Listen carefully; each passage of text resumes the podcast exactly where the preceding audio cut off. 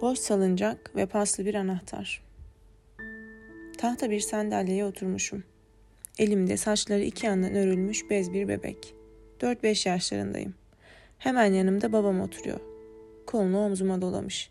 Çitlerle çevrili tatlı bir bahçedeyiz. Domates kokusu havayı tazeliyor. Karşımızda annem kırmızı bir salıncağı sağlıyor. Salıncağın içi boş. Annemin gözleri geceden karanlık. Salıncağın gıcırtısıyla uyanıyorum uykumdan. Yine aynı rüya. Üç değil, beş değil. Onlarca kez gördüm bu rüyayı. Rüya tabirlerine bakma gereği duymuyorum. Zira hayatım anlamsız. Doğruya kendimi tanıtmadım. Merhaba, ben Öykü. Hırsız bir babanın, sosyopat bir annenin kızıyım. Kırmızı sert kapaklı, sayfaları yıpranmış, arasında kurutulmuş çiçekler sebebiyle lavanta ve papatya karışım bir kokuya sahip defteri öfkeyle yatağa fırlattı Öykü. Birkaç sene önce tutmaya başladığı günlüğün ilk sayfasına yazdıkları iyiden iyiye çileden çıkarmıştı onu. Kaç genç kız böyle başlardı ki günlüğüne? Kaç genç kız en son 4-5 yaşlarında gördüğü babasının anısından kaçar, kaçar da tüm dünyada saklanacak tek bir sığınak bulamazdı. Kaç öykü vardı bu dünyada küçükken en sevdiği oyunu annesinin ilaç kutularından bebeklerine ev yapmak olan. Tüm hayatı kanıtlamakla geçmişti öykünün.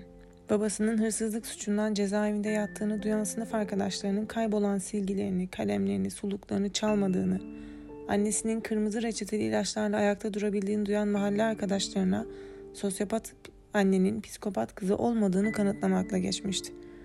Kanıtlayamayınca kaçmıştı. Ancak kaçmakla kurtulamadığı yazgısı sebebiyle değiştirdiği okullarının ve dolayısıyla evlerinin sayısı yaşına yaklaşmıştı. Bu kadar mekan değişikliği onun hiçbir zaman kendisini bu dünyaya ait hissedememesine sebep olmuştu.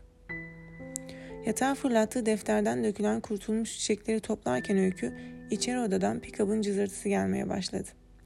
Taş plak pikabın içinde bir süre cızırtıyla döndükten sonra Seyyan Hanım'ın seneler öncesinden gelen kadife sesi tüm evi sardı. O gözler bana eskisinden yabancı, gönlümdeki bu sevda hiç dinmeyen bir acı.'' Belli ki annesi yine hasreti dinlemeye başlamıştı. Füsun Hanım akşam saatlerine doğru ıhlamurdan kuş burnuna, kiraz sapından mavi kelebek çiçeğine kadar envai çeşit bitkisinden birinin çayını yaptığı fincanını eline alır, pencere kenarındaki koltuğa oturur ve Seyyan Hanım'dan hasreti dinlerdi. Bu şarkının belli ki annesi için özel bir yeri vardı.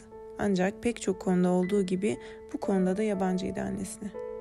Bitkilerin rahatlatıcı kokusu ve taş plan kusursuz sesiyle birlikte annesinin normal bir anne olduğunu hissettiği böyle zamanlar Öykü'nün evdeki en huzurlu anlarıydı. Bu zamanlarda Öykü hemen kendisine de bir çay doldurur, annesinin karşısındaki koltuğa geçer ve onu izlerdi.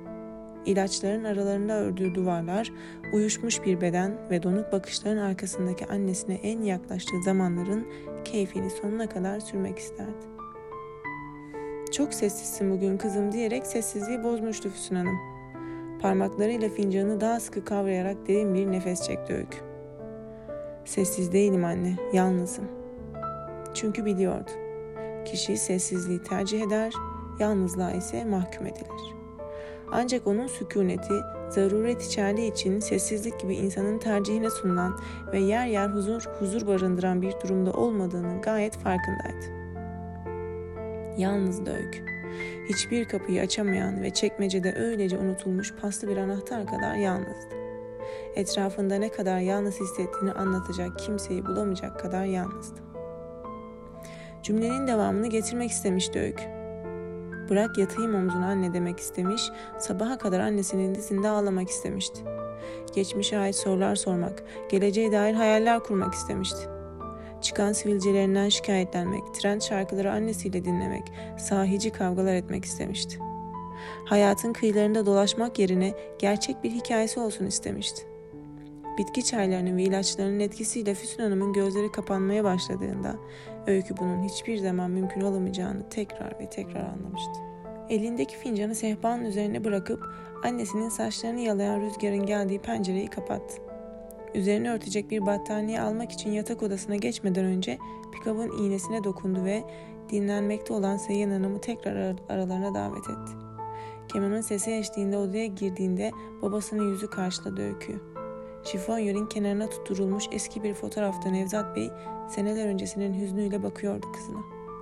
Fotoğrafa doğru eğildi Öykü. Elini almak istemiyordu. Annesi ve babasının ilk tanıştığı dönemlere ait vapurda çekilmiş bir fotoğraftı bu. Belki de vapur fotoğrafçısının o günkü ilk siftahıydı. Belki de annesiyle babasının son fotoğrafıydı.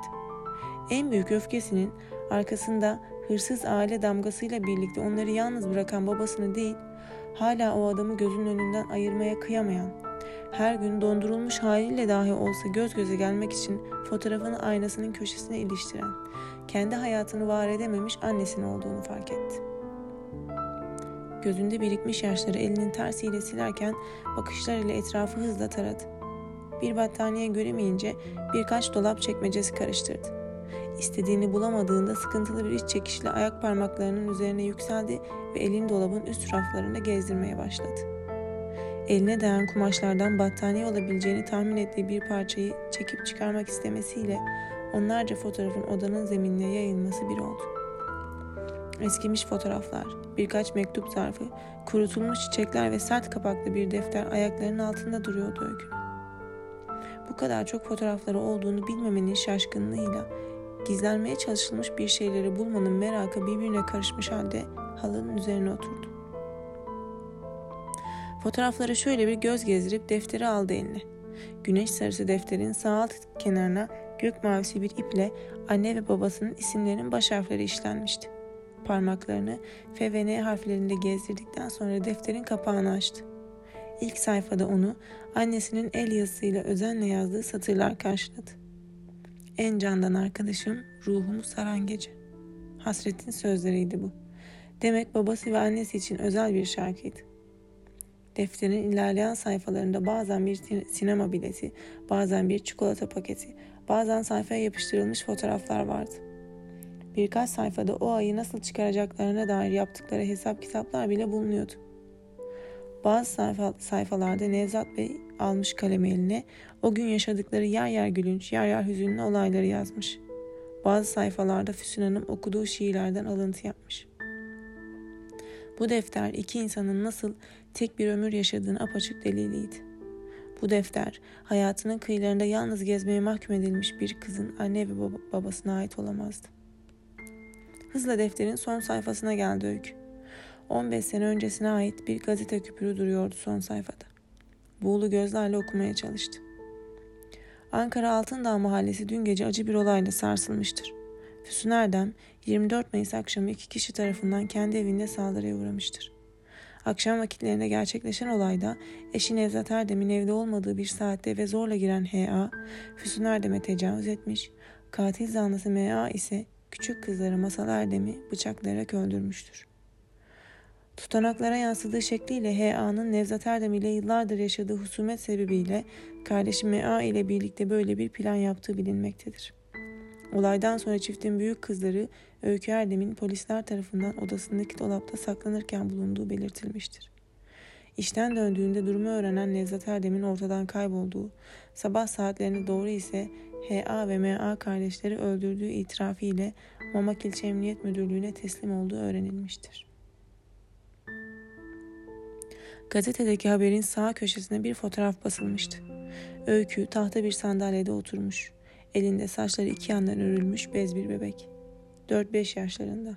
Hemen yanında Nevzat Bey oturuyor. Kollarını Öykü'nün küçük omuzlarına dolamış. Çitlerle çevrili tatlı bir bahçedeler. Saksılarda domates yetişmiş. Karşılarında Füsun Hanım kırmızı bir salıncağı sağlıyor. Gözleri güneşten parlak. Salıncakta küçük masal oturuyor. Salıncağın gıcırtısı kulaklarında çınlıyordu öykünün. İçeriden Seyyan Hanım hüzünlü sesiyle bitiriyordu şarkısını. Kimsesiz karanlıklar, derdime şifa verin, kalbimdeki yaralar daha çok, daha derin.''